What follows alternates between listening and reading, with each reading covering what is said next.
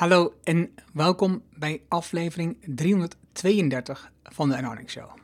Wij leert van ondernemers en ondernemende mensen die bijzondere resultaten bereiken, welke beslissingen ze genomen hebben hier te komen, wat ze doen, de strategie en hoe ze klanten krijgen.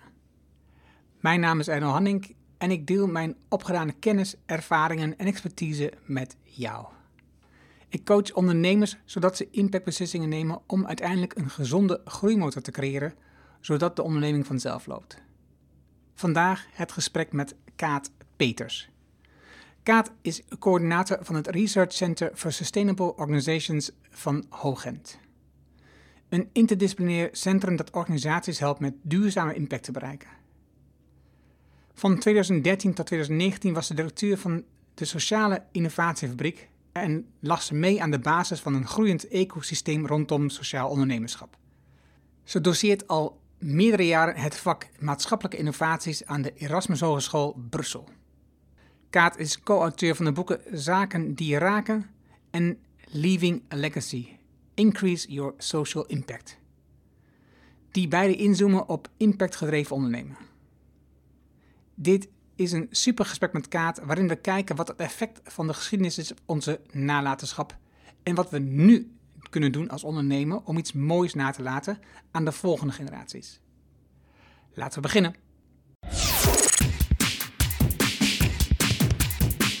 Welkom in de Erno Hamming Show.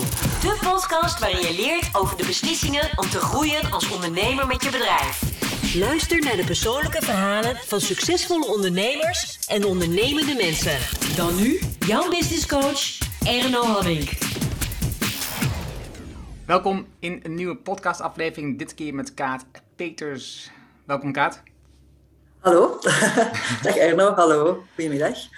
Um, en ik ga zo meteen wel vertellen waar Kaat allemaal van is, want ze, heeft, ze doet veel verschillende dingen. Um, maar als je vanuit de ondernemer kijkt, heeft ze haar eigen bedrijf, Impact Projects. Uh, dat is, daar kun je op vinden, impactprojects.eu. En, en zij noemt zichzelf Impact Maker. dat is een mooie, een mooie titel. En ze heeft recent een boek geschreven, vorig jaar, in 2020 moet ik zeggen, dat is handiger in plaats van vorig jaar. Ja. Uh, Leaving a Legacy. En daar ben ik opgekomen via Pieter van Os, omdat hij samen met jou een module heeft opgenomen in het programma van um, Scaling Up. En Scale Impact. En ja, en dat boek heb ik uiteindelijk op dat moment gelijk gekocht en ook gelezen. En ik dacht, oh, ik wil toch echt wel heel graag met je praten om wat dieper in het geheel te duiken, maar ook in dieper in jouw geschiedenis te duiken. Van oké, waar, komt, waar komt deze um, visie vandaan? Waar komt dit inzicht vandaan en hoe, hoe ben je hier gekomen? Je, je hebt, want het, het, grappige is, je hebt ooit um, archeologie gestudeerd. Of nou, ooit, zo, zo belachelijk lang geleden is het nog niet eens. Wow. het is al een tijdje geleden, ja. Tien jaar, toch? Ja. Jaar. Ja, dat is niet te belachelijk lang. Maar hoe kwam je zo bij archeologie uit? Ja, hoe kwam ik bij archeologie uit? Um, eigenlijk ben ik bij de hogere studies gestart aan het conservatorium. Uh, toen ik uh, in het middelbaar zat, hè, zoals we het hier in België noemen, um, was ik uh, veel bezig met theater en zang. En um, toen heb ik ingangsexamen gedaan in Studio Herman Terling, waar een paar hele grote acteurs uit zijn, zijn gekomen.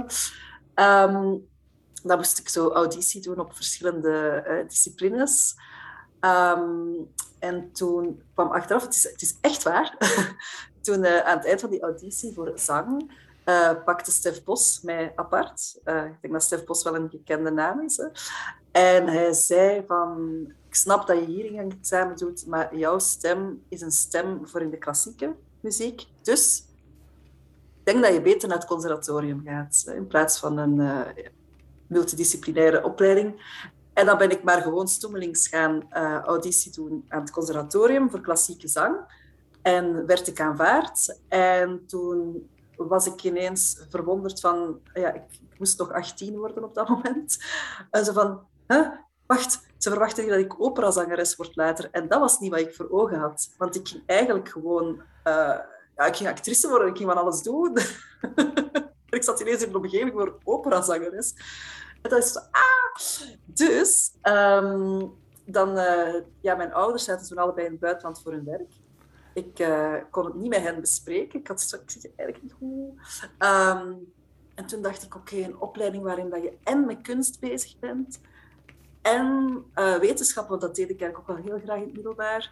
En um, oké, universiteit, dat gaan mijn ouders dan wel begrijpen. Hè. In plaats van dat hun dochter dan de, de grote artieste wordt, dan heeft ze tenminste wel een universitair diploma.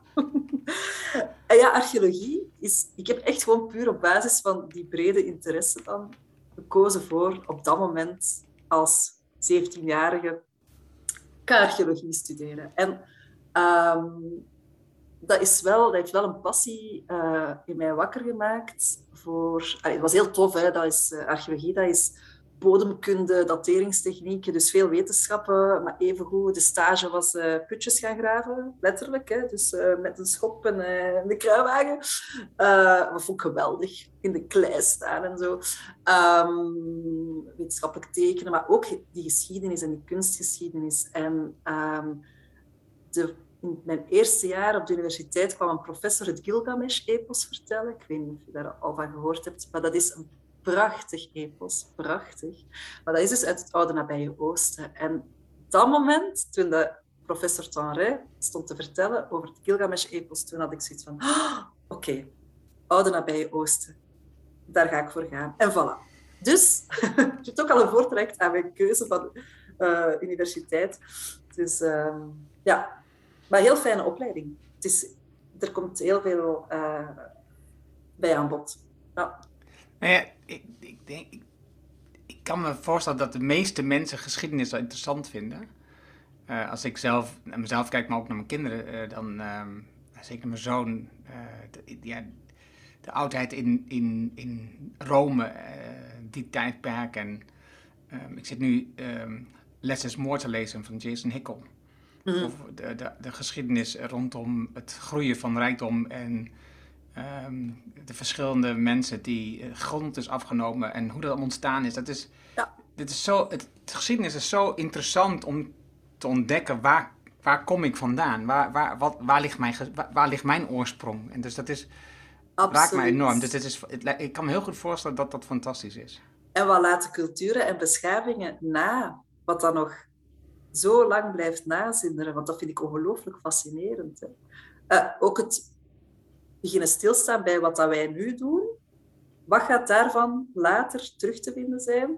Uh, wat gaan de archeologen van de toekomst over onze beschaving dan um, ontdekken? En ja, boek, het is ook wel met een kwinkslag daarna, Leaving a Legacy. Um, ja, het, het bewustzijn, want dat zie, als archeoloog heb ik dan ook ontdekt van er is zoveel meer gebeurd dan wat dat wij nu nog kunnen uh, reconstrueren. Met bepaalde culturen die wel bijvoorbeeld echt de keuze hebben gemaakt om esthetische sporen na te laten. Dat vind ik ongelooflijk interessant. De Sassaniden, in het Midden-Oosten, uh, regio Iran, die waren met glaskunst bezig. Maar volgens de archeologen dan, hè, die mij daarover les hebben gegeven, heel bewust ook met dat ding, want dit zijn ook boodschappen aan de toekomst. En, want glas is zeer, ja, kan dat, dat kan heel, heel lang bewaard blijven. En welke boodschappen zijn wij nu aan het maken naar de toekomst toe? Hè? Ik denk, qua gebouwen en zo valt het eh, een beetje tegen, denk ik. Ik denk niet dat we... um, maar ja, ook andere sporen. Hè? Uh, qua artefacten, ik vind dat heel boeiend, ja. Ja, ja qua gebouwen, ik, dat denk ik ook altijd. Als je kijkt, als ik naar een grote stad ga, om, ik ga naar een stad altijd om te kijken naar panden en zo, dus om uh, de, de, de, geschiedenis te zien. Ja. En dan kijk je naar, naar de, de kerken, uh, er komt natuurlijk veel aan bod, dus en, en oude panden. En als ik dan kijk naar nu, dan heb ik ook echt heel veel moeite om te denken, welke panden zouden nou in de toekomst ja. uh, nog overeind blijven en zouden nog van waarde zijn in de toekomst? Ik, heb, ik, ik, ik kan ze niet zo 1, 2, 3 aanwijzen. Wat is uh, nee. bij jou in België waarvan jij denkt dat is, dat is een, een pand van nu waarvan je denkt, nou dat is wel. Iets wat we nu zetten, er is hier in, in Gent, ik woon in Gent, mm -hmm. uh, is er heel veel ophef geweest over uh, wat dat ze de schaapstal noemen. Um, en eigenlijk is dat naast het stadhuis is er, ehm, er was een architectuurwedstrijd ehm, en er is een soort overdekte hal gemaakt. Allee, een, een, open marktplaats met een heel bijzonder dak. En dat is op een manier gebouwd. Ik, ik ga ervan uit dat die architecten echt hebben willen een nieuw spoor hebben. Tussen, naast het stadhuis, naast het Belfort enzovoort. En de Sint-Paafskerk en het Lam is daar vlakbij. Dat zal volgens mij wel um, blijven meegaan. Maar uh, mijn broer heeft nog in Leidse Rijn gewoond. Uh, dat is bij Utrecht, ik zeg toch juist, Rijn. Ja, ik denk niet dat er van die buurt uh, binnen 200 jaar nog iets, allez, van zoals het nu is, iets gaat overblijven. Omdat dat, dat is bijna prefabbouw. Dus um, zoveel wordt er nu eigenlijk niet... Allez, ik vind het ook zo jammer als je gaat kijken naar... Je gaat, als je naar een andere stad gaat, je gaat naar prachtige panden kijken. Dat zijn heel vaak herenhuizen of kastelen um, 17e, 18e, 19e eeuw. Maar wat dat wij nu neerzetten, misschien zo, ja, zoals Boymans van Beuningen of zo, misschien dat ze, of, of het, um, zo gebouwen, meer dat, dat, hoe heet dat, die stijl, het cubistische? Ja, kan. Waar we het er heel met de, de brute uh, bouwstijl, zo met, met veel cement, uh, ja. beton, maar zo van die en dat die hè, met grote glaspartijen, dat gaat misschien bewaard blijven. Maar ja, ik denk soms ook van, kom aan. Zolang we maar goed blijven zorgen ook voor... Allee, dan denk ik, laten we ook zoveel mogelijk erfgoed intact houden. Want het komt niet terug. Hè? Elk herenhuis dat nu verloederd of wordt opgekocht door een projectontwikkelaar en daar twintig, lelijke appartementen van gemaakt worden, is een verlies voor altijd. Hè? um, Maar ja, dat is, een, dat is iets anders dan, uh, dan die impact waar ik over geschreven heb. Ik, ik, en ik weet het niet, ik vraag me het af. Want ik zet dus, dus wat zei, Les is mooi. In het boek gaat het onder andere over de onteigening van, van uh, mensen die dus... En, als je nu kijkt, um, hier in de regio zijn wel een aantal um, grote landgoederen.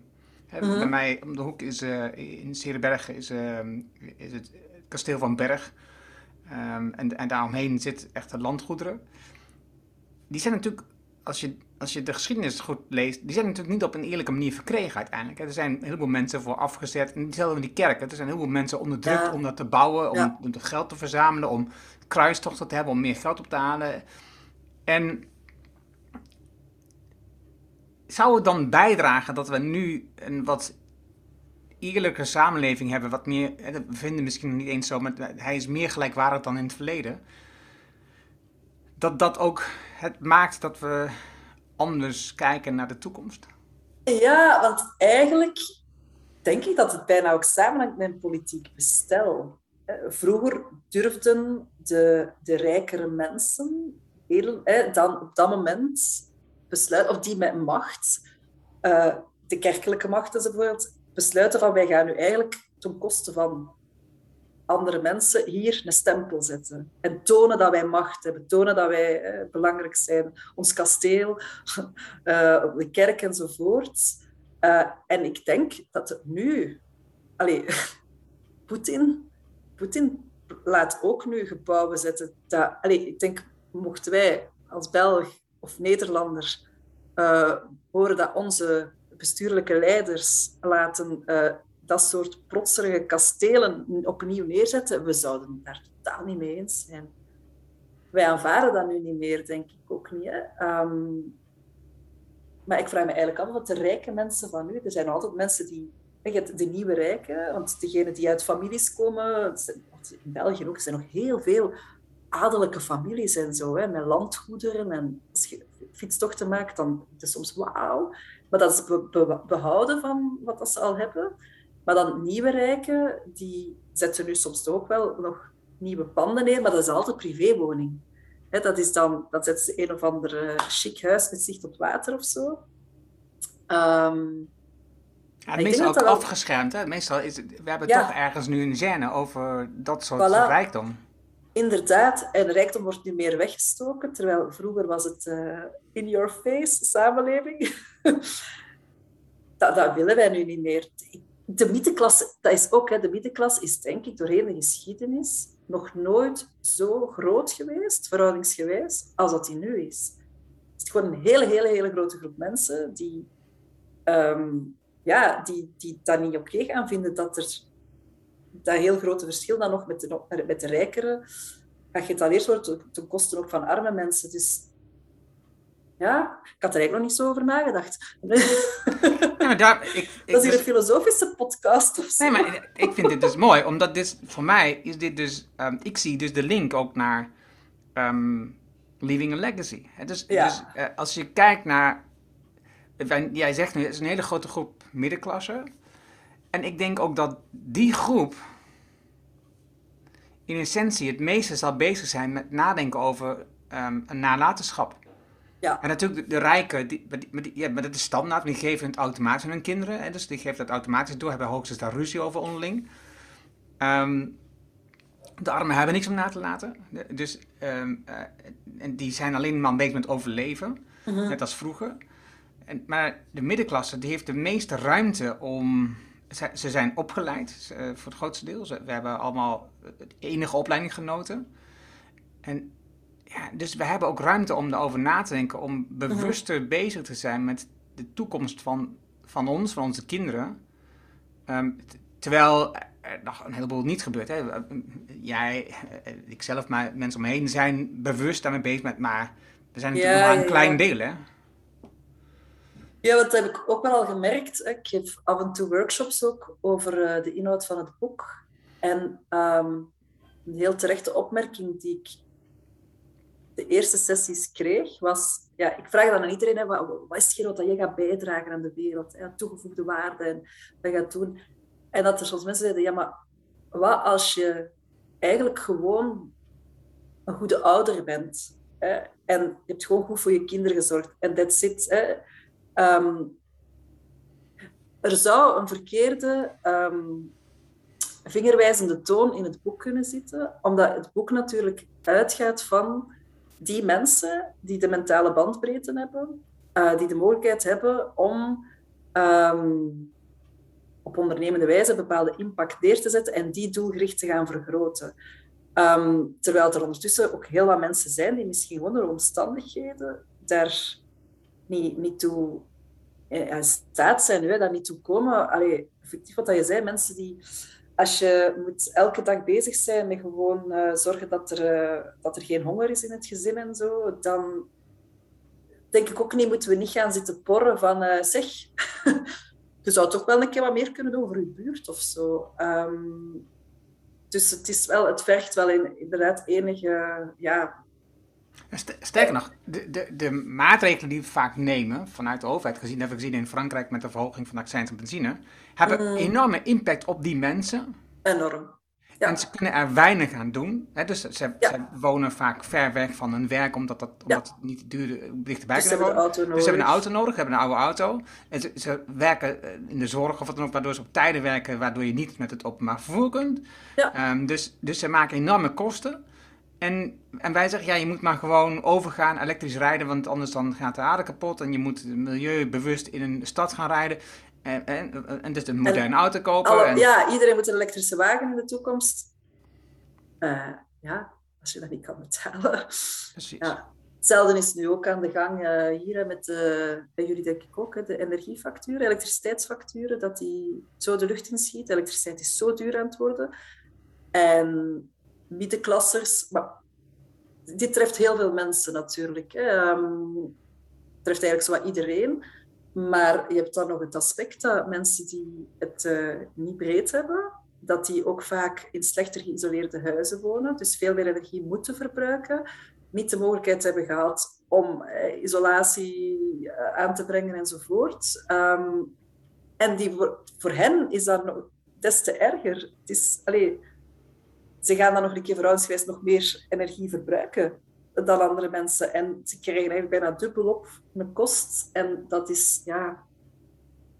Um, dat steekt die mensen vaak in nog veel diepere zorgen. Uh, ja. Allee, en die mensen, dat klinkt nu alsof het uh, ver van ons bedshow is, totaal nee, niet. Uh, nee, nee, nee. In mijn eigen omgeving weet ik ook wel echt genoeg mensen die daar nu heel erg van afzien. Dus, ja... Ah. Want ja, ik heb ook jaren met veel sociale ondernemers kunnen samenwerken. En dan merk je toch ook dat de hoofdmoot van sociale ondernemers, hè, die dat we bejubelen, omdat ze uh, ondernemen om impact hebben. Fantastisch types mensen. Maar de hoofdmoot daarvan was ook gewoon in een bepaalde levenscontext dat ze er ook de mogelijkheid toe hadden. Hè. zo kan de, ze de hemel in prijzen van wauw, die heeft gewoon met eigen spaargeld zo een, uh, een sociale onderneming uit de grond gestampt. De eerste maanden heeft hij zichzelf totaal geen loon uitgekeerd, zich zo gegeven voor de goede zaak. Ja, uh, dat kan niet iedereen. Hè? Dan is er misschien wel een partner of zo, of een spaarpotje dat er was. Um, dus dat spreek ik altijd, dat er zo met voorzichtigheid mee moet worden omgegaan. Ja. Ik, ik zit, het, zit te denken ook aan het boek van uh, Babette Porcelein. Um, het Happy 2050 scenario. Kijk naar rechts, want daar ligt het boek. en um, het andere boek, de, uh, de Verborgen Impact. Um, en daarin schetst ze wel, zonder, en ik denk ook jouw boek is hetzelfde, daarom noem ik het voor duidelijkheid, is ook dat het is zonder vingerwijzing. Maar we kunnen, we kunnen allemaal wel iets doen. We kunnen allemaal wel dingen doen om um, uh, minder negatieve impact te hebben. Dat is niet per se altijd dat je denkt, we hebben positieve, in ieder geval minder negatieve impact hebben op waar we mee bezig zijn. Uh, ook al is het soms ingewikkeld, maar het kan altijd. Je kan altijd nadenken over dingen die je kunt veranderen. En ik denk dat dat ook geldt voor jouw boek. Um, er zitten gewoon altijd dingen in om na te denken over als ondernemer met je, met je team, met je mensen, over wat kunnen nog veranderen in het bedrijf om nou, richting de volgende stap te gaan. Want je hebt het over drie, uh, vijf niveaus, hè? Of was het zes, mm zes niveaus? Ja, het is, het is een min één niveau bij. Precies. ja, dus, ja. dus je kan altijd nadenken, oké, wat, is, wat is de volgende stap die je kan ondernemen om daar te komen?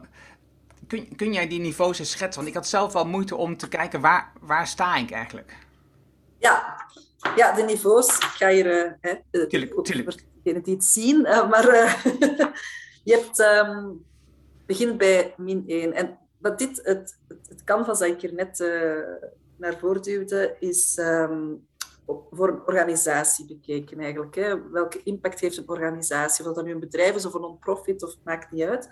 Um, je hebt, er zijn inderdaad zes niveaus onderscheiden, waarbij dat niveau min 1 heb je negatieve impact. De overal impact van de organisatie is negatief. Het is vooral schadelijk. Um, petrochemie, ik zeg maar iets. Um, pas op, dat heeft soms ook zijn rol, hè, om dan elders wel weer goede dingen te hebben. Maar uh, altijd gevaarlijk om een voorbeeld eruit te pikken hier bij overal negatieve impact. Maar uh, een wapenfabriek, laat ik het zo even zeggen.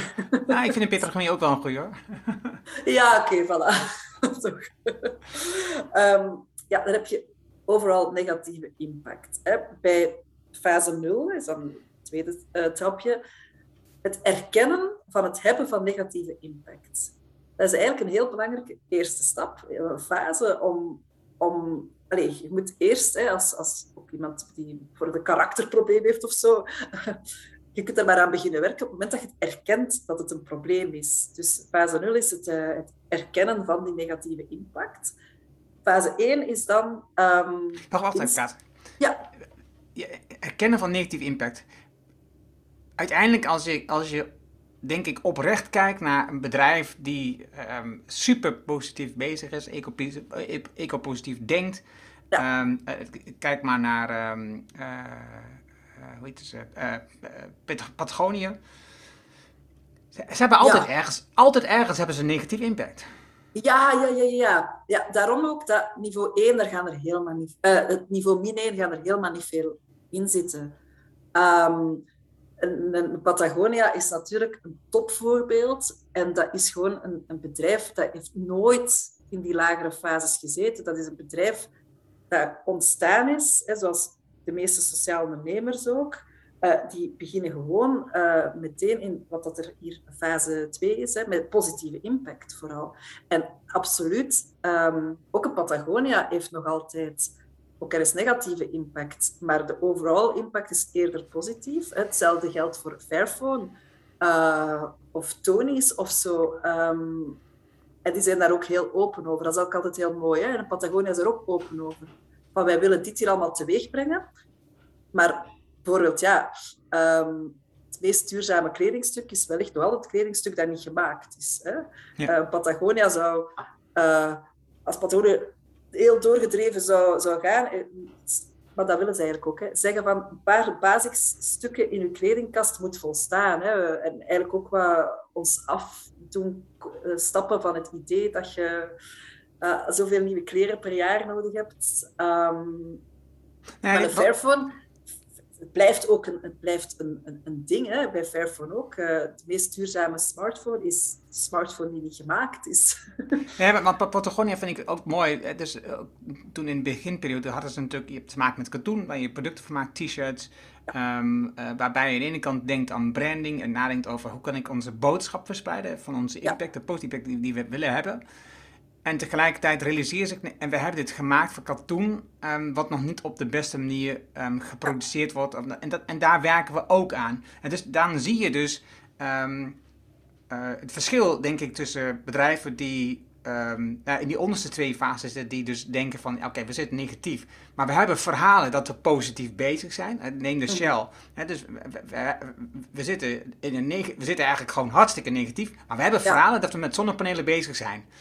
Ja. En als je, als je kijkt en je luistert naar dan de andere partijen die omheen die dat volgen, die zeggen, luister, Shell heeft de afgelopen jaren nog steeds het, het, het gedeelte van zonne-energie afgebouwd. Dus, en nog, nog steeds het, de, de, de, de fossiele brandstoffen uitgebouwd. Dus ik weet niet waar die verhalen vandaan komen, maar ze zijn in ieder geval niet correct. Ik vind dan bijvoorbeeld het boek van Katrien Hartman over um, uh, Grüne Wird's nicht.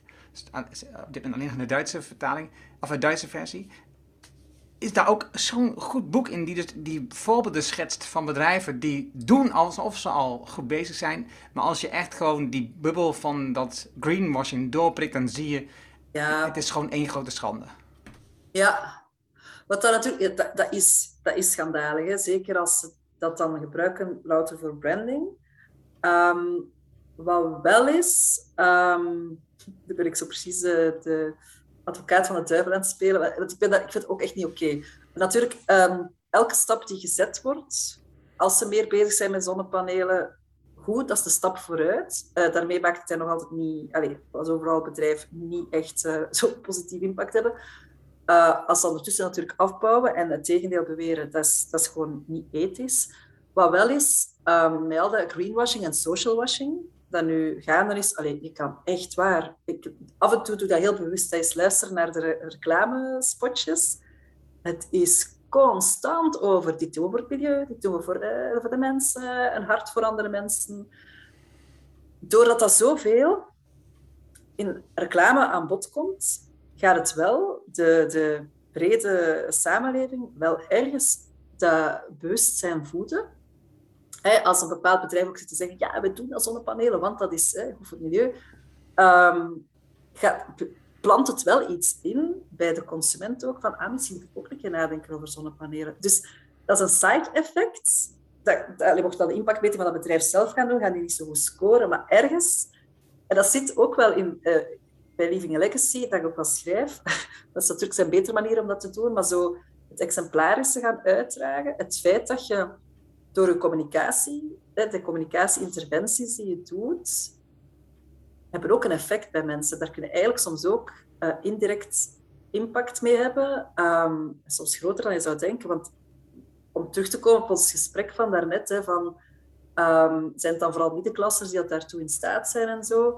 Um, wat dat heel intrigerend is, is eigenlijk hoe kunnen we voldoende boodschappen uh, krijgen, behapbare boodschappen krijgen. Bij mensen die minder kans hebben om, uh, ja, we gaan in een keer uh, de groene jongen uithangen, um, maar die super haalbaar zijn voor iedereen. Hè. Simpele dingen zoals rond voedseloverschotten of zo, van gaat er een beetje anders mee om. Je kledij, als je je kleding, um, je hoeft niet altijd alles op uh, eh, 60 graden te wassen. Het is een gigantisch verschil of dat je je was doet op 40 graden of op 60 graden. Bijvoorbeeld maar ingrepen die haalbaar zijn voor iedereen. En ehm, dat is belangrijk dat dat gewoon ook rondgaat. En dat, je ook, dat mensen ook niet het gevoel hebben dat ze moeten, wij noemen dat de bakfietsbobo's, Gebruiken jullie dat ook? Nee, dat ken ik, maar ik snap wat je bedoelt. ja, en bobo staat voor uh, bourgeoisie bohemien. dus je moet geen bakfietsbobo zijn om toch ook je ecologische voetafdruk te kunnen uh, allez, verminderen. Uh, want zelfs al kan het klimaat je geen, geen zier schelen, um, bon, als je weet dat door je, je was op uh, minder graden te gaan uh, draaien en dat je kledij er eigenlijk even proper uitkomt, uh, het is ook interessant voor je portemonnee ondertussen. Hè. Dus met welke boodschappen kan je maken dat mensen gaandeweg hun gedrag gaan aanpassen? Voor mij is dat ook Thomas Rauw, zijn boek. Ah, Material Matters, denk ik dat het heet. Okay. Um, nu heb ik de neiging om te gaan googlen en zo, maar als het is van Thomas Rauw, in een van de eerste hoofdstukken in zijn boek, Um, zegt hij ook, uh, we moeten, er ligt een veel te grote verantwoordelijkheid bij de consument. Je kunt niet die enorme verantwoordelijkheid om, om de planeet te redden en om onze samenleving te redden, zomaar baf in de schoot van de consument leggen, zonder dat ze kleine haalbare stappen krijgen om daar ook aan bij te dragen. Hè. Van, maak het gewoon haalbaar, realistisch. Want het wordt vaak een veel te groot verhaal op mensen eh, gegooid. Zo, ja, vind ik interessant ding. Um, en wat dat die zes, zes, stappen dus betreft, wat moet ze misschien nog even... Uh... Ik heb het boek uh, ondertussen gevonden en ik zat hem in de show notes, neem ik hem op. En hij heet, uh, het heet ook echt gewoon Materials Matters. Ja. Yes, oké. Ja. Heel tof aan dat boek is ook, ik heb het niet meer staan, hè, want je, je keek net achterom om te zien hoe het boek ook weer heet. Um, ik had het boek van Thomas Rauw, um, maar er staat expliciet in het boek um, dat, ik wil vooral dat je dingen deelt, dus dit boek moet je nu doorgeven. Als je dat boek hebt gelezen, dus ik heb dat doorgegeven en dat ondertussen al, ja, alweer uh, verderop ligt. Ja, ik, heb nog, een... ik, heb nog een vraag over um, dat, wat je net schetst, dat beeld dat, dus, dat greenwashing, wat we afkeuren, maar toch ook een positief bijdrage heeft. Is het dan ook bijvoorbeeld zo dat de meeste Um, we kennen natuurlijk allemaal de bekende um, impactondernemers, hè, wat je net al, je noemde net een paar, Fairphone ja, ja, ja. en, en, en Tomis. Maar is het, ook, is het ook zo, nee, laat ik dan zeggen, kan het ook zo zijn dat sociale ondernemers uh, te bescheiden zijn in het delen van hun impact? Ja, ja zeker weten. maar dat is vaak ook wel um, een kwestie van tijd. Hè. Sociale ondernemers zijn uh, sociale ondernemingen, eh, de voorbeelden die we nu net uh, aanhaalden, zijn grote ondernemingen ondertussen. De meeste zijn behoorlijk kleinschalig. Een klein team dat echt bergen wilt verzetten en die vooral bezig zijn met dat operationeel houden, zorgen dat ze erin slagen. Als het dan gaat over werken met een bepaalde doelgroep, dat al die tijd naar die doelgroep gaat. Maar waar dat dan vaak te weinig tijd voor genomen wordt, en wat dat eigenlijk jammer is, want dat als het dan gaat over je impact doen groeien, zit daar een gigantisch hefboom in. Dat is hun case, hun eh, exemplarisch gehalte, de elementen die bij hen werken, gaan uitdragen, gaan um, in een sectorfederatie over gaan vertellen, um, dat naar buiten brengen. Um, en ook weer op een behapbare manier.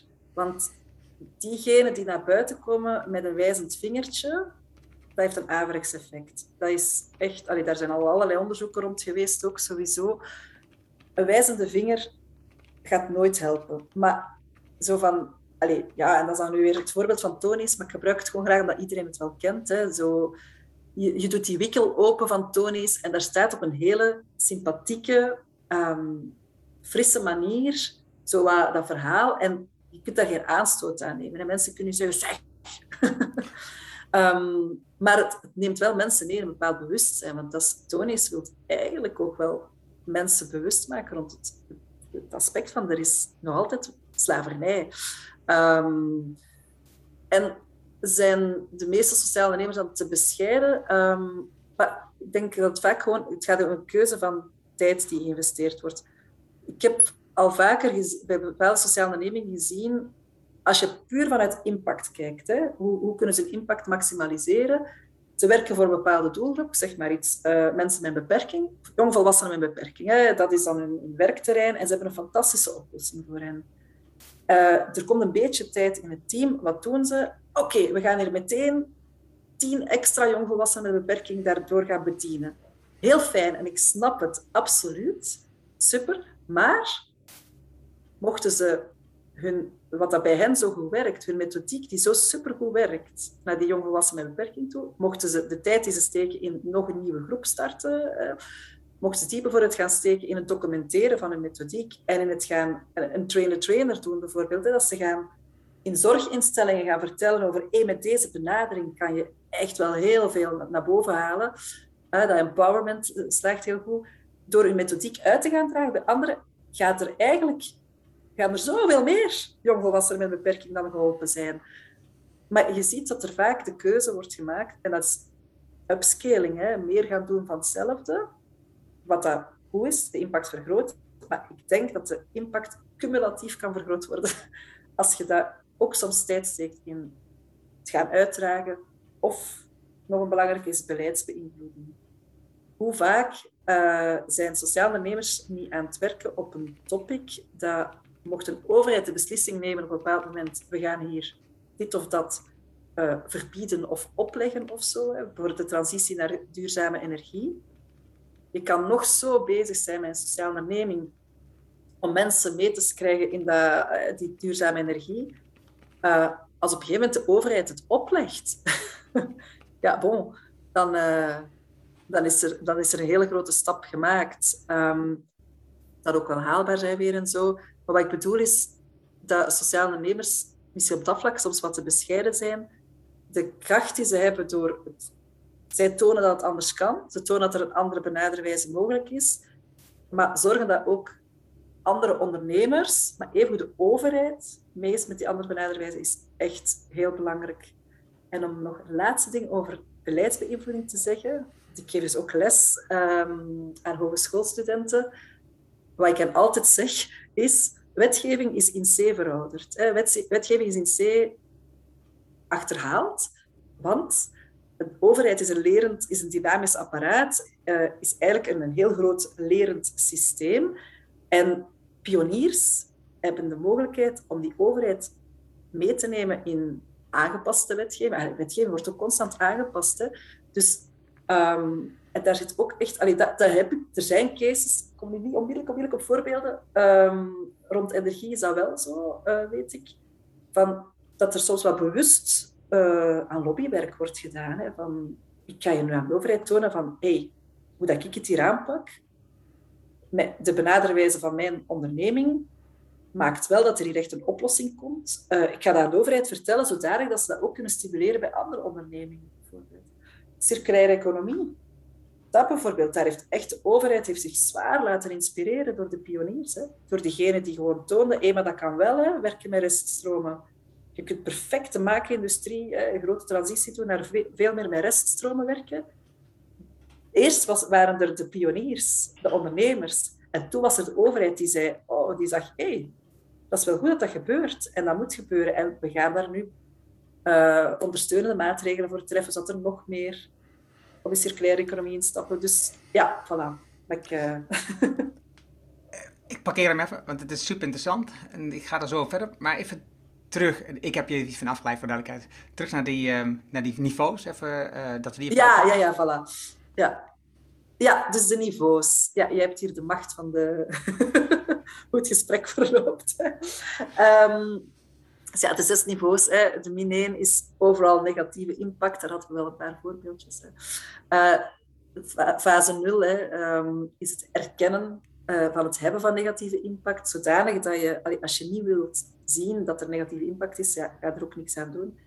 Um, fase 1 is uh, minder schadelijk worden. Je hoort wel vaker, en misschien wat, een voorbeeld van daarnet, hè, van Michelle, um, die dan zegt van, ah, met die zonnepanelen, we zijn weer positief bezig. Ja, ze zijn gewoon een stukje minder schadelijk aan het worden door dat te doen.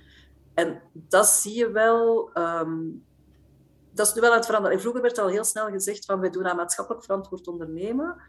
We hebben een MVO-beleid, terwijl het eigenlijk gewoon was minder schadelijk worden. Het voorbeeld is... Uh, allez, echt nog altijd hè, krijg ik dat soort voorbeeldtoren. Wij printen alleen nog maar op gerecycleerd papier oké, okay, toppie.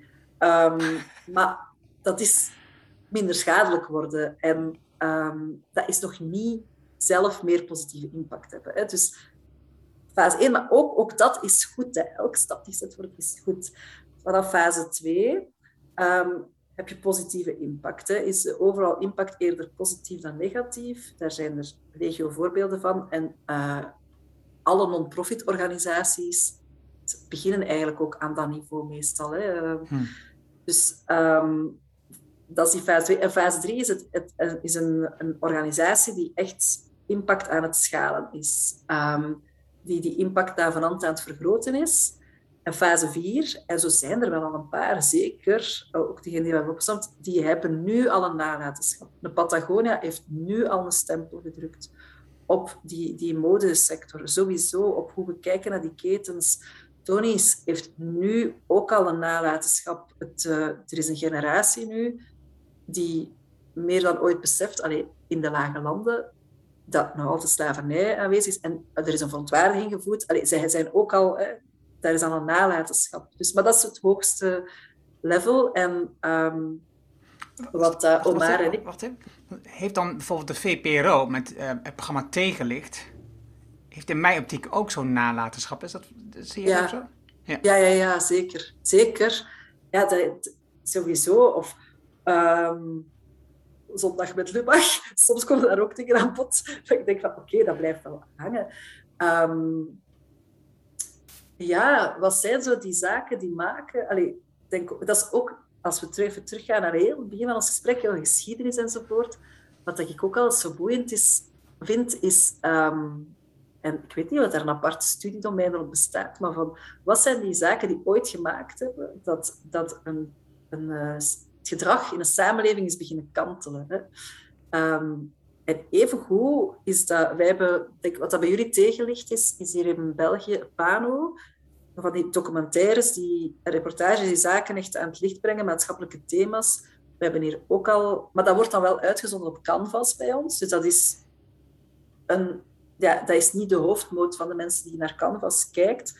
Maar wel, er is zo'n, een, een, als er een reportage is uitgezonden van een bepaalde problematiek, waar mensen zich niet voldoende van bewust waren of zo, dat kan wel heel, heel veel in beweging zetten. En dat komt dan ook in alle andere media terug en dat de kranten daar ook naar gaan verwijzen, naar die Pano-reportage. Um, dat doet wel wat. Hè. De kracht van media is in Duitsland is het Deutsche Welle die ik uh, daarin bevolk. En Arte, dat zijn al de kanalen die ik daarin volg, die ook hele, hele goede documentaires maken. Ja, ja je hebt op BBC ook Ja, BBC natuurlijk ook. Maar dat, dat, ja. dat, ben ik nog niet in, ben ik nog niet in. Maar de, dus ik, denk ook dat dat soort bedrijven, die maken nu al organisaties, al impact nalatenschap over generaties heen. Um, als je om even over dat nalatenschap door te gaan. Als je kijkt naar, want je noemt in je boek um, de termijnen waarover je denkt uh, in de toekomst, hoe lang je kijkt naar de toekomst. Hè? Dus ondernemers vandaag de dag kijken vaak niet verder dan een jaar, drie jaar. En dat is al heel erg ingewikkeld. jij hebt het over 30 jaar. Uh, ja. Het, boek uh, De Goede Voorouder van um, Roman uh, ik, ik, ik, kan zijn naam niet uitspreken. dat is de man van Kate, Kate Rawoff is het. Um, ja. De goede voororde, dat, dat, dat, dat, dat vertelt over dat je nadenkt over de, de zeven volgende generaties. Dus dan praat je over dan 120 jaar. Dus dat, ja, dat zijn dus, dat is nog langer dan wat ik zeg. Ja. Hoe, hoe, hoe denk je... Wat is jouw advies aan ondernemers om, om, om zo'n tijdsbestek na te denken? Ja... Um, waarom heb ik de keuze gemaakt om het te zetten op 2050? Um, ehm, omdat dat ergens nog um, overzienbaar is voor mensen. Hè. 30, binnen 30 jaar. wij kunnen ons, omdat de meeste mensen die het boek zullen lezen uh, wellicht al 30 zijn of 30 gepasseerd zijn, kunnen ze zich ook een beeld vormen van wat er allemaal veranderd is in de afgelopen 30 jaar. Uh, waardoor dat je sowieso ook in perspectief kan plaatsen van alles kan veranderen en alles zal ook veranderen, want uh, de wereld nu is totaal anders dan 30 jaar geleden. Binnen 30 jaar gaat dat sowieso ook... Allez, weten we dat de wereld er helemaal anders zal uitzien. Um, en wat dat is, wat dat mij is opgevallen, ik heb vroeger uh, regelmatig in commissies gezeten en zo. Dan moest ik beleidsplannen van organisaties, de non-profit nalezen. Heel vaak zijn die dan, gaan die wat gelijk op met regeringslegislaturen, vier, vijf jaar. En allemaal strategienota's, altijd maar... Ik heb heel veel strategieën gezien die gaan over vier, vijf jaar, binnen vier, vijf jaar. Maar wat je dan ook ziet, ook een businessplan van een onderneming of zo, dat wordt ingediend bij een bank voor een krediet. Dat is dan drie jaar, als het al goed zit. Maar je ziet daar nooit, bijna nooit, een missie. Als een missiestatement wordt gemaakt, uh, dat spreekt al wel wat meer lange termijn, maar je ziet nergens in de operationele doelstellingen dan die erbij geformuleerd worden in de strategie, uh, hoe willen ze daar dan echt naartoe werken? Want denken op vijf jaar maakt dat we onze eigen ambities, onze eigen mogelijke impact eigenlijk op voorhand wat gaan inperken. En je merkt dat als zo van, ja, want binnen vijf jaar, allee, hè, je wilt dan toch wel jezelf geen blaasjes wijs maken. Um, maar door te zeggen van, kijk, nee, denk gewoon eens één generatie verder. 30 jaar is een generatie verder. Uh, je weet dat er heel veel kan veranderen. Maakt door dat perspectief erbij te pakken van wat ga ik binnen 30 jaar daarmee gerealiseerd hebben. Vaak ook als het gaat van het perspectief van organisatie, kan je maar hopen dat ze zelf ook ervan uitgaan binnen 30 jaar nog te bestaan. Want als je dan die zoveel keer zeven jaar, denk ik niet dat veel organisaties nog denken of ze dan zelf nog gaan bestaan. Terwijl, ja, ik had, die 30 jaar is zoiets van, het is sowieso een volgende generatie die dan, allez, hoe dat, dat zit demografisch bij ons, hè, die, die er dan bijgekomen is. Um, het, maakt, het geeft gewoon ook voldoende ruimte om voldoende ambitieus te zijn en ook nog um, in de driver's seat te willen blijven zitten. Dat je voelt van, ah ja, maar ja, wacht, ik ga echt wel ook, ook na de komende vijf jaar ga ik ook nog wel verder daarmee bezig zijn. En ja, het is, dat viel mij gewoon ook zo vaak op van, ja, maar wacht een keer, je denkt hier niet over het nog grotere plaatje. Ik ga een voorbeeld geven van een, eh, een onderneming hier in België. Um, Rising You. Rising You um, geeft opleidingen aan jonge vluchtelingen. Uh, bestaat trouwens ook in Nederland, Rising You. Um, dat zijn opleidingen van jonge vluchtelingen, een combinatie van klimtechnieken, technische skills en soft skills. Zodanig dat die jonge vluchtelingen na een opleiding van drie tot zes maanden een job op hoogte kunnen doen. Hè. Daar is nu heel veel vraag naar. Uh, installateur van uh, zonnepanelen, onderhouder van windmolens enzovoort. Uh, windturbines, denk ik dat ik moet zeggen in Nederland. Anders denk ik, je ze al hangen aan de... Nee, nee, nee. Het is, het is, nee Die discussie hebben we hierover. Dus, als ze heel groot zijn, dan zijn het windturbines. En, en, normaal noemt iedereen ze windmolens. Totdat ze heel groot zijn, het in één keer windturbines. Om, om, okay. om ergens een scheiding te maken die helemaal niet klopt. Het is gewoon ah ja, oké. Okay. Want die van Rising You gaan eerder aan de windturbines hangen, aan die hele hoge. Hè? Ja. Um, omdat die dus die klimtechnieken ook hebben geleerd en zo. Nu, Rising You doet dat nu. Doet nu heeft nu dit aanbod. Maar dat is wel van in het begin een heel duidelijke keuze gemaakt van wij bestaan als organisatie om de levenskwaliteit van vluchtelingen gelijk te trekken met de levenskwaliteit van mensen die hier gewoon zijn opgegroeid. Omdat we, we vinden het unfair dat een, vluchteling eh, nu nog altijd eh, is, eh, slechtere levenskwaliteit heeft dan iemand die hier is opgegroeid. En Waardoor dat ook maakt dat dat perspectief er constant in zit van wat wij nu aan het doen zijn. Heel bewust omgaan met de impact van de activiteiten die worden gesteld. Hè. Nu werkt dat met deze trajecten, maar er is een constante blijvende reflex van zijn wij hiermee maximaal aan het toewerken naar het verhogen van die levenskwaliteit? Of moeten we ook andere dingen beginnen doen? Um, omdat anders dreig je heel snel, als je niet dat langere termijn... ze zouden nooit hebben kunnen zeggen, als je een, een, een ehm, een plan maakt voor vijf jaar, dan kan je niet de bouwde uitspraak maken en binnen vijf jaar de levenskwaliteit van alle vluchtelingen hetzelfde als, uh, als andere mensen. Dat zeg je niet. Maar binnen 30 jaar durfde dat nog wel te poneren. Durfde te zeggen, ah wel, we gaan ervoor. Um, Tony's wil ook slavernij. Even over die vluchtelingen. Even, even die vluchtelingen.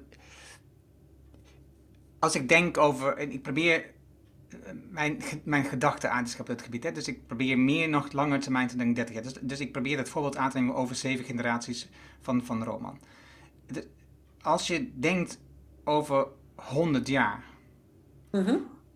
dan zijn er nog waarschijnlijk, want die zijn er alle eeuwen in geweest, vluchtelingen. Mhm. Dus de vraag is: wat zijn de rampen van de toekomst? En wat zijn de mensen van de toekomst, de vluchtelingen van de toekomst? Met welke problemen komen die naar andere gebieden? Wat zouden we daaraan kunnen doen? Dus ik denk dat wat jij schetst, dat dat helemaal correct is. Dat het, als je, als je denkt over langere termijnen, dat het een heel andere denkmethodiek vraagt. Een heel andere perspectief vraagt van waar, waar kijk ik naar? want, want het korte termijn aspect over vijf jaar is gewoon, dat kun je met, dit, met deze ondernemer, met dit managementteam, um, kun je dat gewoon realiseren. En weet je, dit, is gewoon, dit gaan we gewoon doen. Het is de honderd meer klanten. Ergens bescheiden in de maatschappelijke impactambities. Want... Ja, ja, dat is een goed punt. Ja. Ja,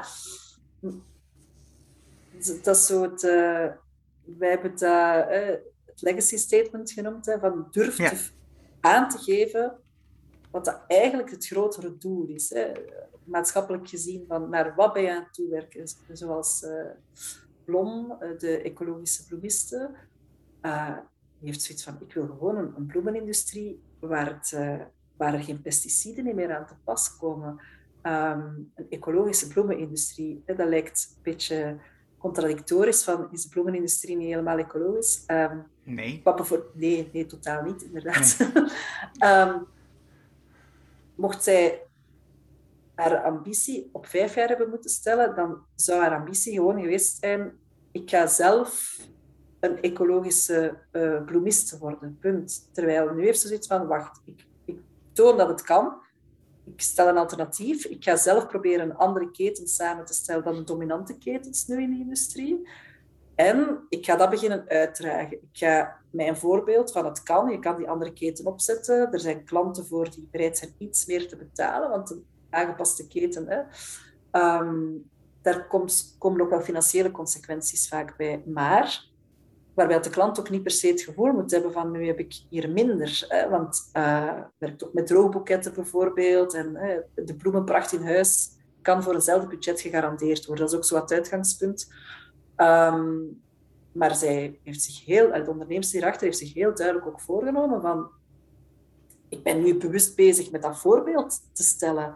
En dan ga ik beginnen ook naar beleid toe gaan. En ik ga mijn voorbeeld ook gebruiken om uh, de, de consument mee te krijgen. En ook om de, de dominante bloemenindustrie uh, te gaan prikkelen zonder opnieuw uh, te gaan zitten vingerwijzen. Hè? Want die zijn ook gebonden aan bepaalde zaken. Allee, het is niet zo evident hè, om als je bloemist bent, zomaar even om te slaan naar louter ecologische bloemen. Ja, of een bloemenkweker bent. Ja, zijn ook niet genoeg. Allee, ook nu door de teelt, maar het niet in één case, maar ook gewoon door hoe daar nu bloemen geteeld worden. Mochten we nu alleen nog maar ecologische boeketten verkopen, ja, er zouden... Ik weet niet, het zou nog maar 2% of zo ja, zijn. ja. ja, dus dat moet ook gewoon nog aangepast worden. En, maar dat is wel een streven op 30 jaar. En dat kan op 30 jaar. Die, die legacy statements, hè, is dat iets wat je gewoon zelf kunt doen als ondernemer? Eh, eh, of heb je daar hulp in nodig? En, als je het zelf kunt doen, wat zouden dan goede tips zijn om, om, omdat dat denken in zo'n lange tijdsbestek iets is wat je niet gewend bent te doen. Dus je moet toch ergens aanwijzing krijgen hoe je dat gaat organiseren. Mhm. Ja, we geven daar zo wat richtlijnen bij. Hè, van, uh, zie dat het kort is, dat het prikkelend is, ambitieus en vooral het vertelt hoe je de wereld gaat veranderen. Hè, de verandering die je gaat neerzetten. Um, hè, zoals vluchteling zijn, vermindert de kansen, de, de levenskwaliteit niet. Um, of bijvoorbeeld, ja, ik ben opgegroeid met mijn vader als uh, directeur van een NGO. Jullie zeggen het ook, een NGO. Mhm. ja. Um, de Damiaanactie, die uh, Lepra, uh, tegen Nederland is dat Damiaan Stichting, geloof ik. Um, ah, dat was heel duidelijk. We willen, uh, soms kunnen ook to eradicate the problem. Hè. Uh, Damianix had echt als doel lepra de wereld uit. Dat is ambitieus, uh, maar dat is wel heel duidelijk. En zie ook wel, dat merk ik ook wel soms, als, dat, allez, ik heb verschillende workshops hier en, en, daardoor leer ik ook bij hoe mensen daar, wat dat ze nodig hebben. En wat dat mij bijvoorbeeld is opgevallen, als, je, als ik het zonder voorbeelden mensen aan de slag zet bij hier maakt je legacy statement, maak, krijg je bijna allemaal dezelfde uh, statements. We leven op een warme planeet. Allee, op een, uh, we hebben een warme samenleving op een, een gezonde planeet. Nee, ja, heel mooi. Heel mooi. Het zou super zijn als we dat effectief bereiken. Maar het moet wel gelinkt zijn aan de... Allee, wat is het specifieke van jouw organisatie daarin? Damianactie is die lepra aan het bestrijden. Um, is die moderne slavernij aan het bestrijden. Uh, Rising You is die levenskwaliteit van vluchtelingen aan het bevorderen. Dus dat, dat wel, uw smoel moet er wel uitblijken. Um, dus als het heel generiek wordt, heel vaak is ook niet, kan je het ook niet echt als kompas gebruiken. Dat is ook een tip. Ziet dat het iets is wat daarbij... En vaak kom je zo op crossroads als je aan het evolueren bent als organisatie, moet je soms keuzes maken. Gaan we naar links of gaan we naar rechts? Of gaan we rechtdoor? Um, Zo'n legacy statement kan dan helpen om een kompas te zijn, hè, om richting te bepalen van ah, als we dit nu gaan doen of dat gaan doen, gaan we dan eerder ons doel bereiken of niet. Dus uh, dat is wel heel belangrijk. En je noemt net dat van, van die Lepra Stichting, um, en daar is dus, hè, dus, we halen het uit de wereld. Kan het ook zijn dat zo'n legacy statement te groot wordt, waardoor je de energie verliest? Uh, dat zou kunnen, want bijvoorbeeld rond vluchtelingen um, zou je kunnen zeggen, is dat überhaupt realistisch? Een ziekte de wereld uithelpen, Allee, we zijn er nu ook mee bezig op het moment. Um, maar een ziekte de wereld uithelpen kan je nog wel ergens zeggen van dat is ook wetenschap, dat is allee, zorgen voor infrastructuur, um, dat dat haalbaar is. Natuurlijk een maatschappelijk fenomeen waar altijd nieuwe oorzaken voor zitten, zoals de vluchtelingencrisis. Er gaan altijd wel, allee, we mogen ons verwachten aan steeds meer klimaatvluchtelingen. Hè? Niet alleen voor oorlog, maar er zijn nu ook al heel veel klimaatvluchtelingen, dat vaak samen. Um, maar um, dat is natuurlijk een moeilijkere soms. En misschien dat dan de, eh, zelfs die 30 jaar, um, ook, ook zelfs op die termijn iets haalbaar maken en dan eigenlijk aangeven welke component dat je van dat grote probleem wilt oplossen. Uh, en misschien is zeggen van de levenskwaliteit eh, moet exact hetzelfde zijn, is misschien net een stap te ver om het haalbaar te maken. Dan kan je beter in de legacy statement gaan aangeven van we willen echt de levenskwaliteit van vluchtelingen gaan maximaliseren bijvoorbeeld. Um, of een deelprobleem ervan gaan uitlichten. Hè. Er is uh, uh, geen vluchteling meer die aankomt en die gewoon geen kans krijgt op werk, bijvoorbeeld. Dus van elke vluchteling, omdat werk dan weer een belangrijke hefboom is voor die levenskwaliteit. Want dat zou je dan kunnen, kunnen doen, dat wel. Maar ik denk 30 jaar, we hebben nu ook de technologie uh, die enorm geëvolueerd is. Op 30 jaar kunnen er gaat gigantisch veel veranderen. Hè? Gigantisch, gigantisch. Dus, um... Ja, en tegelijkertijd, wat, dat is dan de andere kant die ik dan bedenk bij 30 jaar. Ook even weer advocaat van de duivel, wat jij net zei.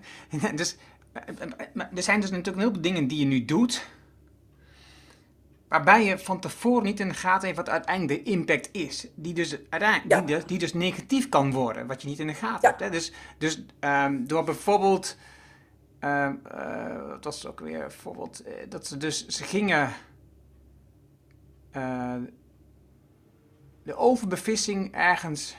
Ah, de eiland. Um, eiland, ja, precies. Kiribati of zoiets?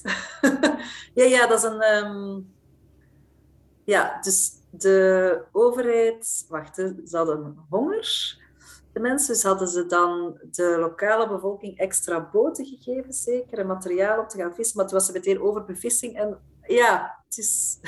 Dus, dus wat ik, het, is een voorbeeld wat, wat, niet zo goed is, want we kunnen het allebei niet precies herinneren. Nee. maar dat maakt niet uit. Maar je kunt je voorstellen dat, dat je, als je bezig bent met het grootste aanpakken van de impact van jouw ding, dat dat uiteindelijk een negatief effect heeft en een, een nieuwe negatieve impact heeft op de, op de maatschappij, de wereld, de mens. Ja. ja, en daarvoor dat er ook een stukje, dat we het ook hebben over impactmeting. Ja. Uh, want het is echt wel belangrijk dat je dat blijft opvolgen. Dat je ook uh, blijft in kaart brengen. Wat dat wij doen, levert dat effectief die positieve impact op die wij bedoelen. En, maar dat je in die impact, weet ik, ook wel heel bewust bent van en wat is de negatieve impact. Want bijna alles wat dat je doet, uh, dat sting, dat is, want je verwees ook aan Kate Raworth hè, met de donut-economie, je hebt dan de ecologische en sociale. Soms spreekt dat elkaar wat tegen. Hè. Ga je um, de levenskwaliteit van iedereen, stel dat we zouden zeggen van we gaan elke burger op deze planeet dezelfde levenskwaliteit geven als jij en ik, ja, uh, de planeet is naar de zakken dan. Dat gaat gewoon niet. Um, we moeten allemaal dan weer wat minderen, bijvoorbeeld. Hè. Dat, dat, dat, ehm, dat, lijkt logischer. Ja, ja, het is dat. Maar um, soms, om het ene uh, op te lossen, ben je soms elders schade aan het berokkenen. En allee, daar mogen we ook niet al... Allee, we moeten ook niet doen alsof iedereen altijd heiliger moet zijn dan de paus. Of uh, dat je alleen maar die dingen mag doen die niks van schadelijk impact. Soms zijn er nog altijd... Dan heb je wel een beetje doelheilig middel of zo. Um, als het binnen de perken blijft en als die bewuste reflex er is, als uh, ja, extra woningen neerzetten, sociale woningen, zeg maar iets. Ja, die zijn wel... Allee, het feit dat iemand een, een, een huis heeft, een thuis heeft, hè, dat, dat is geweten, is voor gezinnen zeer belangrijk om verder hun levenskwaliteit te kunnen zelf garanderen, want dan hebben ze ook meer rust en kunnen ze makkelijker een job en dit en dat. Hè. Uh, maar dat zijn huizen die bijgebouwd worden. Dat is ecologisch gezien dan weer niet goed, maar het, het is wel... Allee, het zijn afwegingen altijd. Dus um, ik werk ook nu met het onderzoekscentrum vaak rond impactmeting. En we hebben zo de Theory of Change, waarbij dat wij ook in de Theory of Change hebben aangegeven van de verandering die je teweeg brengt, van wat zijn de positieve effecten, maar ook de negatieve effecten hebben we daar ook bij gezet om ook die eerlijke reflectie te hebben. Um, ja, als je iets doet, je, brengt, je zet zaken in beweging, dan kan het altijd zijn dat je negatieve bijeffecten hebt. Als ik kijk naar de SDG's, dan verwijs je ook naar uh, in jouw boek. Hè? Dus heb je het ook over. Je hebt het aan de ene kant over de cirkel of de donut van, uh, van Kate, en aan de andere kant heb je het over de SDG's. Um, als ik daarover nadenk en ik denk, want jij schetst net het beeld dat we de, de, de, welvaart of de levensstandaard van de mensen op de wereld gelijk maken, dat als een voorbeeld. In dat uitgangspunt bij um, de SDG's wordt uitgegaan, ik dacht van een um, dagloon van uh, net geen 2 dollar uit mijn hoofd, of, of 2 dollar of iets dergelijks uit mijn hoofd. Um, ik, ik, herinner me ook het voorbeeld van, van het bedrijf wat van die koekstoves maakt in India. Dus dat zijn van die, van die kachels waar je op kunt koken. Mm Zodat, uh, het, het, is een heel uh, ingenieus uh, kacheltje. Zodat de open vuur in die hutten en gebouwtjes eh, er niet meer is. Hè? Dus dan, heb je gewoon een kachel waarin je stookt. Want eh, veel um, kinderen, je hebt te maken met smog, met, met smog, je hebt te maken met rookvergiftiging, met kinderen die verbranden. Met, dus er zitten zoveel nadelen aan het open vuur in zo'n huisje, in zo'n hut of in een, uh, in een wat dan ook. Dat zo'n zo'n zo'n kachel helpt enorm. De productie van een kachel um, kost, ik dacht uit mijn hoofd, 60 euro. En um, die mensen, uh, ze worden gemaakt in India door voornamelijk vrouwen. Dus uh, ze betrekken ook nog een bepaalde groep van, van mm -hmm. de maatschappij uh, om, dat, om, om dat niveau omhoog te halen. Die krijgen dus 600 dollar, even uit mijn hoofd, um, in de maand. En dat is ja. drie keer zoveel dan ze normaal krijgen. maar als je praat over een vergelijkbare levensstandaard, is het natuurlijk nog steeds heel ver weg van waar wij nu zijn. Hè? Dus terwijl wij met het geld dat wij verdienen heel veel producten kopen die helemaal niet nodig zijn. En, en ja. ook niet alleen dat, die producten die wij kopen, die worden geproduceerd in gebieden wat we uh, niet zien. Hè? Dus de, de telefoon ja. als voorbeeld. Hè? Er worden mijnen, de mensen uh, nog steeds arbeid, kinderarbeid en slavenarbeid is nog steeds verkapte slavenarbeid. Dus je zit in zo'n um, kluwen van van uh, allemaal dingen die elkaar invloeden. Aan de ene kant denk je, oké, okay, dat bedrijf is goed bezig. En tegelijkertijd gaat in mijn hoofd dan op, maar 600 dollar, dat is toch nog steeds... Of 2 dollar, uh, dus een ja, dag. Ja, ja, dat is nog steeds toch gewoon een heel lage levensstandaard. Waar, waar wij het werk niet voor zouden doen. Hoe, hoe, hoe kan deze wereld ooit eerlijk worden, denk ik dan. Weet je? Dus, dat, dus als je dan praat over wat ik net schetste, dus kan je legacy te groot zijn, waardoor je energie verliest. Soms heb ik dat gevoel dat ik denk van, hoe kan dit ooit goed komen? Ja, uh, dat denk ik ook vaak. Want als ik ook naar de SDG's kijk, denk ik van, dat is, dat is een interessant kader. Hè? Um, met heel uitgesproken ambities. En soms denk ik, ja, kan het überhaupt? Allee, puur eh, theoretisch gezien kan het. Um, kunnen we echt komen tot die, um, die, die schone planeet en uh, heel aanvaardbare levensomstandigheden voor iedereen? Um, ik weet het ook niet.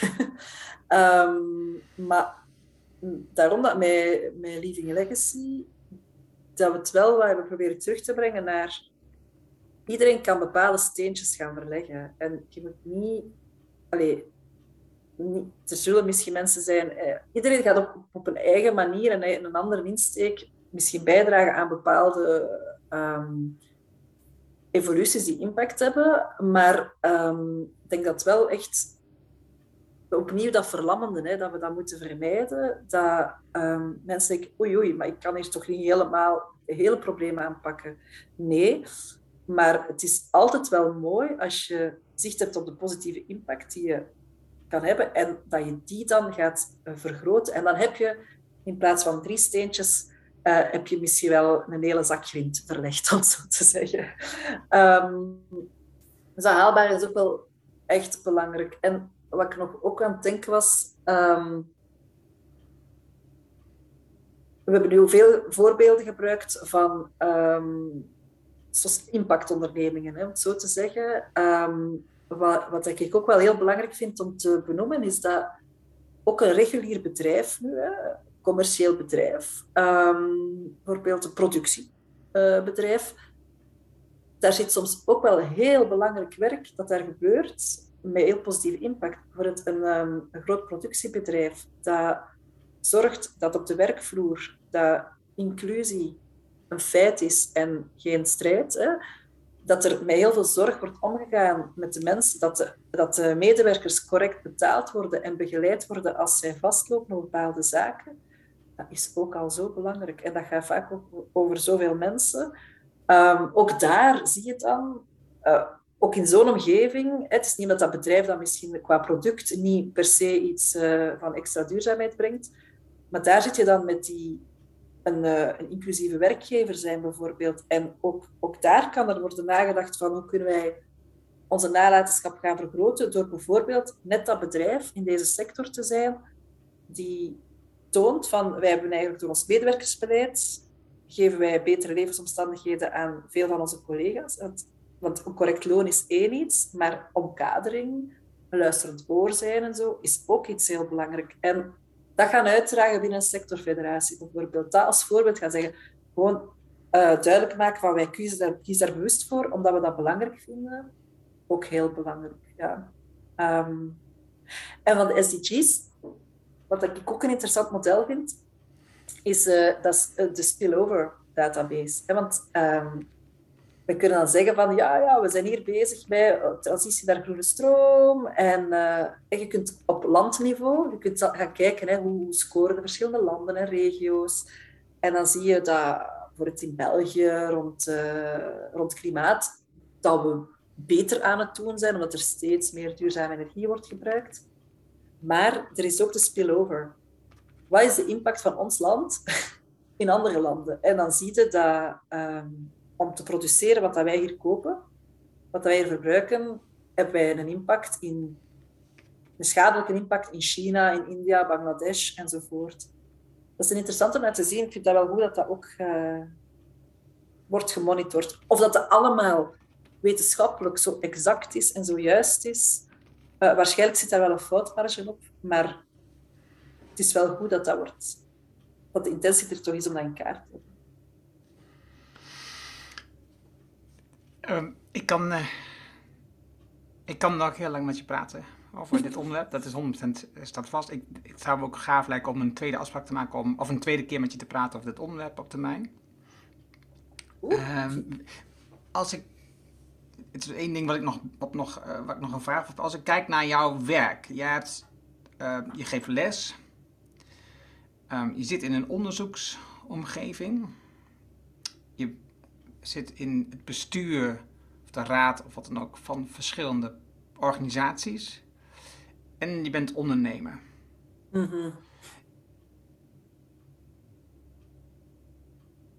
Als ik kijk naar het beeld wat je toen straks schetste van een um, duurzame ondernemer uh, of, of trekken van een organisatie, uh, in plaats van tien nieuwe mensen te helpen, zouden ze beter uh, kunnen zeggen: we gaan of de overheid beïnvloeden of we gaan um, andere mensen opleiden op, op het gebied waar wij nu succesvol in zijn. Denk jij dat de um, verhouding, de structuur die je nu voor jezelf gekozen hebt van die, drie, van die vier vormen, dat dat, dat, dat een, een, goede, een goede manier is om dat te organiseren voor, voor mensen, voor ondernemers? De combinatie die ik zelf maak van al die verschillende. Ja, aan de ene kant geef je les, dus je, je, je, je brengt je gedachten goed voor. Aan de andere kant um, ondersteun je onderzoek op dit gebied. Dan ben je bezig met uh, het uh, begeleiden van partijen om de volgende stap. En je helpt organisaties en bedrijven om werkelijk ehm, eh, stappen te zetten door je boeken, door je ehm, projecten die je doet en door de workshops die je geeft. Dus, dus eh, je probeert op verschillende manieren aan de ene kant eh, gewoon rechtstreeks impact te maken, aan de andere kant door opleiding je impact vooruit te helpen, de legacy zeg maar, vooruit te brengen. Ja, um ik kan het niet zo aanraden. ik zou het niet zo aanraden om al die combinaties te maken, want soms denk ik van ah, te veel patches. Allee, zo te veel. Um, want dat zeg ik ook in het boek. Hè. Soms moet je ook kunnen focus kiezen. Want, uh, en dat ben ik nu zelf wat te weinig aan het doen. Allee, dan, dan merk je dat je op heel veel verschillende fronten bezig bent. Maar uh, wat ik wel vind is ook, en wat het er wel inzit in alle verschillende dingen die ik doe en de verschillende insteken die ik neem, is dat ik het heel belangrijk vind dat wat, dat, wat dat je zelf ontdekt, hè, en dat is bij mensen bij omgeving dat ik ook zie, wat dat je zelf ontdekt, dat werkt. Hè, iets, eh, inzichten die je opdoet, eh, een netwerk dat je uitbouwt enzovoort. Het loont altijd om dat te gaan delen met anderen, om anderen daar rond te gaan inspireren. Dat, is gewoon, allee, waarom zou je informatie of netwerken voor jezelf gaan houden als je weet dat er daar gewoon over te vertellen uh, aan anderen, dat je daardoor wel wat in beweging kunt zetten. En uh, ik geef ongelooflijk graag les, omdat je ziet, allee, dat zijn jongeren van 20, 21 jaar meestal. Um, dat is zo fijn om hen gewoon um, mee te geven van hey, dat kan, ook jij kan verschil maken.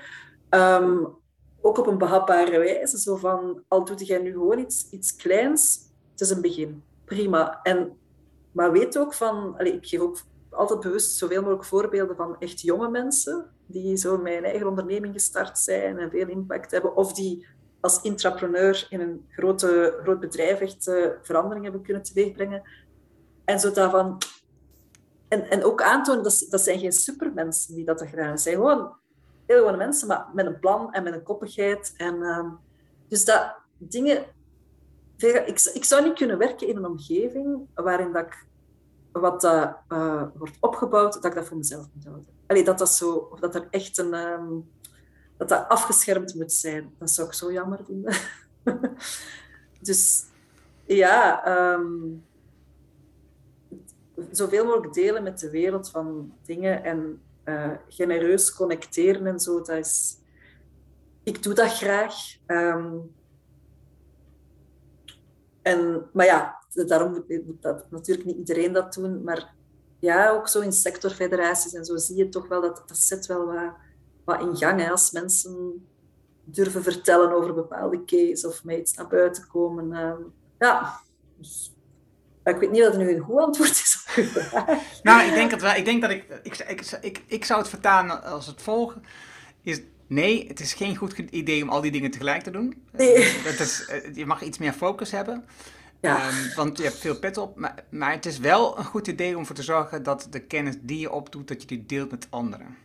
Ja, Ja, Goed zeker. ja, ja, ja, ja. Ja, absoluut. Waarbij ik ook zeker niet wil zeggen dat ik nu absoluut de vrouw ben met zoveel kennis uh, in pacht, omdat dat aan iedereen moet geweten worden. Maar ik bedoel maar gewoon qua attitude. Het gaat over attitude eerder. Hè, dan, uh, ik vind dat ook super tof altijd. En daarom mis ik nu gewoon live events waarbij dat je op recepties zoveel kunt leren van andere mensen. En um, ik vind dat zo boeiend als ik bij iemand nieuw in een meeting zit of zo en die vertelt gewoon iets. Je kunt er dan weer zoveel uithalen. Dus dat is gewoon het interessante, vind ik. Ja. Dat is precies de reden dat ik deze podcast heb. Dus wat dan ah, ja, kijk, komt het helemaal samen. het, is, het is eigenlijk een hele egoïstische reden, deze podcast. Ik wil gewoon leren van mensen. Um, en, en, en daarnaast natuurlijk die kennis weer delen. Dus daar is de podcast gewoon uitermate geschikt voor. En je hebt een, je hebt een gesprek van nou een uur, ruim uur. Um, gewoon waar je elkaar, en nu is dat dan via Zoom, maar waar je elkaar ziet, waar je, waar je um, van elkaar kunt leren. Je weet wat er gebeurt. Je, ik lees boeken van die persoon om, om, om te verdiepen. En dus um, het, is, het is heel leerzaam, en, maar het is ook prachtig om dan die inzichten te delen met anderen. Dus, dus dat is precies de reden dat de podcast heb. Kaat. Ja. Super, dankjewel voor dit gesprek, voor jouw inzichten en kennis. Um, ik heb twee tips voor mensen die hier um, meer wil willen weten. Allereerst, ik heb het boek nu op beeld als je de video ziet. Yes, jij, uiteraard heb jij hem ook. uh, het boek. Ik doe naast deze podcast doe ik ook een uh, de zogenaamde ondernemersboekencast. Daarin bespreken we elke week, of elke twee weken een boek. Um, bedoeld voor ondernemers om dingen te leren. En we hebben veel verschillende boeken gezien. We zien heel vaak ook um, uh, dikkere boeken. Dit is een vrij dun boek. Maar ook heel veel, of nou ja, niet heel veel, maar ook een aantal dikke boeken die um, nog niet een kwart hebben van de waarde die jij in dit boek biedt. Het is, oh. Dus het voordeel van dit boek is, ondanks dat het, um, als we naar de kern kijken, 120 pagina's is, um, is dat het heel erg to the point is, waarbij je door het stappenplan loopt om dat canvas in te vullen. Uh, waarvan ik denk dat het heel waardevol is, omdat je dan inzicht krijgt van: oké, dit is wat ik, uh, waar ik sta, dit is wat ik wil doen, um, en dit is de boodschap die ik daarmee naar buiten kan dragen. Uh, dus dat, dat helpt enorm. Dus, ik, dus voor mij is het heel waardevol. En het tweede wat ik wil mensen wil geven: um, je hebt een workshop gedaan samen met Pieter in het Scale Up Impact programma. En uh, die blijft te beluisteren. Dus daar heb je ook, als je wilt, uh, moet je even op scalepimpact.com kijken. En dat zal ik uh, ook delen in de show notes. Daar kun je ook naar deze website kijken. Dus dankjewel Kaat dat je dit ook met ons deelt. En, en graag tot een volgende keer. Ja, daar kijk ik naar uit. Heel graag gedaan. Dat was het super gave gesprek met Kaat. Je vindt de namen en links die we noemden in het artikel dat bij deze uitzending hoort. Ga daarvoor naar ernohanning.nl slash show 332. Wil je vanzelf de volgende aflevering van deze podcast op je telefoon? Dat kan heel eenvoudig. Op je iPhone zit standaard de Apple Podcast app. Open deze app en zoek naar de Erno Show. En dan klik je op abonneer. En dan doe ik nog even een vinkje aanzetten dat je de aflevering wilt downloaden. Heb je een Android-telefoon? Installeer dan bijvoorbeeld eerst de Player FM app Open die app, zoek de Show op en klik op abonneren. Heb je vragen, opmerkingen of een reactie op deze aflevering met kaart of op de podcast in het algemeen? Stuur dan een e-mail naar podcast.ernorning.nl en ik hoor super graag van jou. Wil je leren hoe je ieder kwartaal 195 belangrijke acties realiseert? Wil je 7 tips hoe je uit de waan van de dag komt en de lange termijndoelen nu realiseert? Vraag dan het boek Impactbeslissingen voor een leider aan op. Dit is mijn nieuwste boek en je downloadt het dan helemaal gratis. Je hebt zelfs geen e-mailadres nodig. Er is ook een Kindle en EPUB versie. Wil je de papieren versie van het boek? Dat kan ook. Je betaalt alleen de verzendkosten. Het is mijn nieuwste boek en daarom krijg je het gratis. Vraag het daarom nu aan. Je vraagt jouw boek aan op ernohanning.nl en ik weet, je hebt een volle agenda, je leest het in één avond tijd. Dankjewel voor het luisteren en graag tot de volgende. Dankjewel voor het luisteren naar de Erno Hanning Show op ernohanning.nl.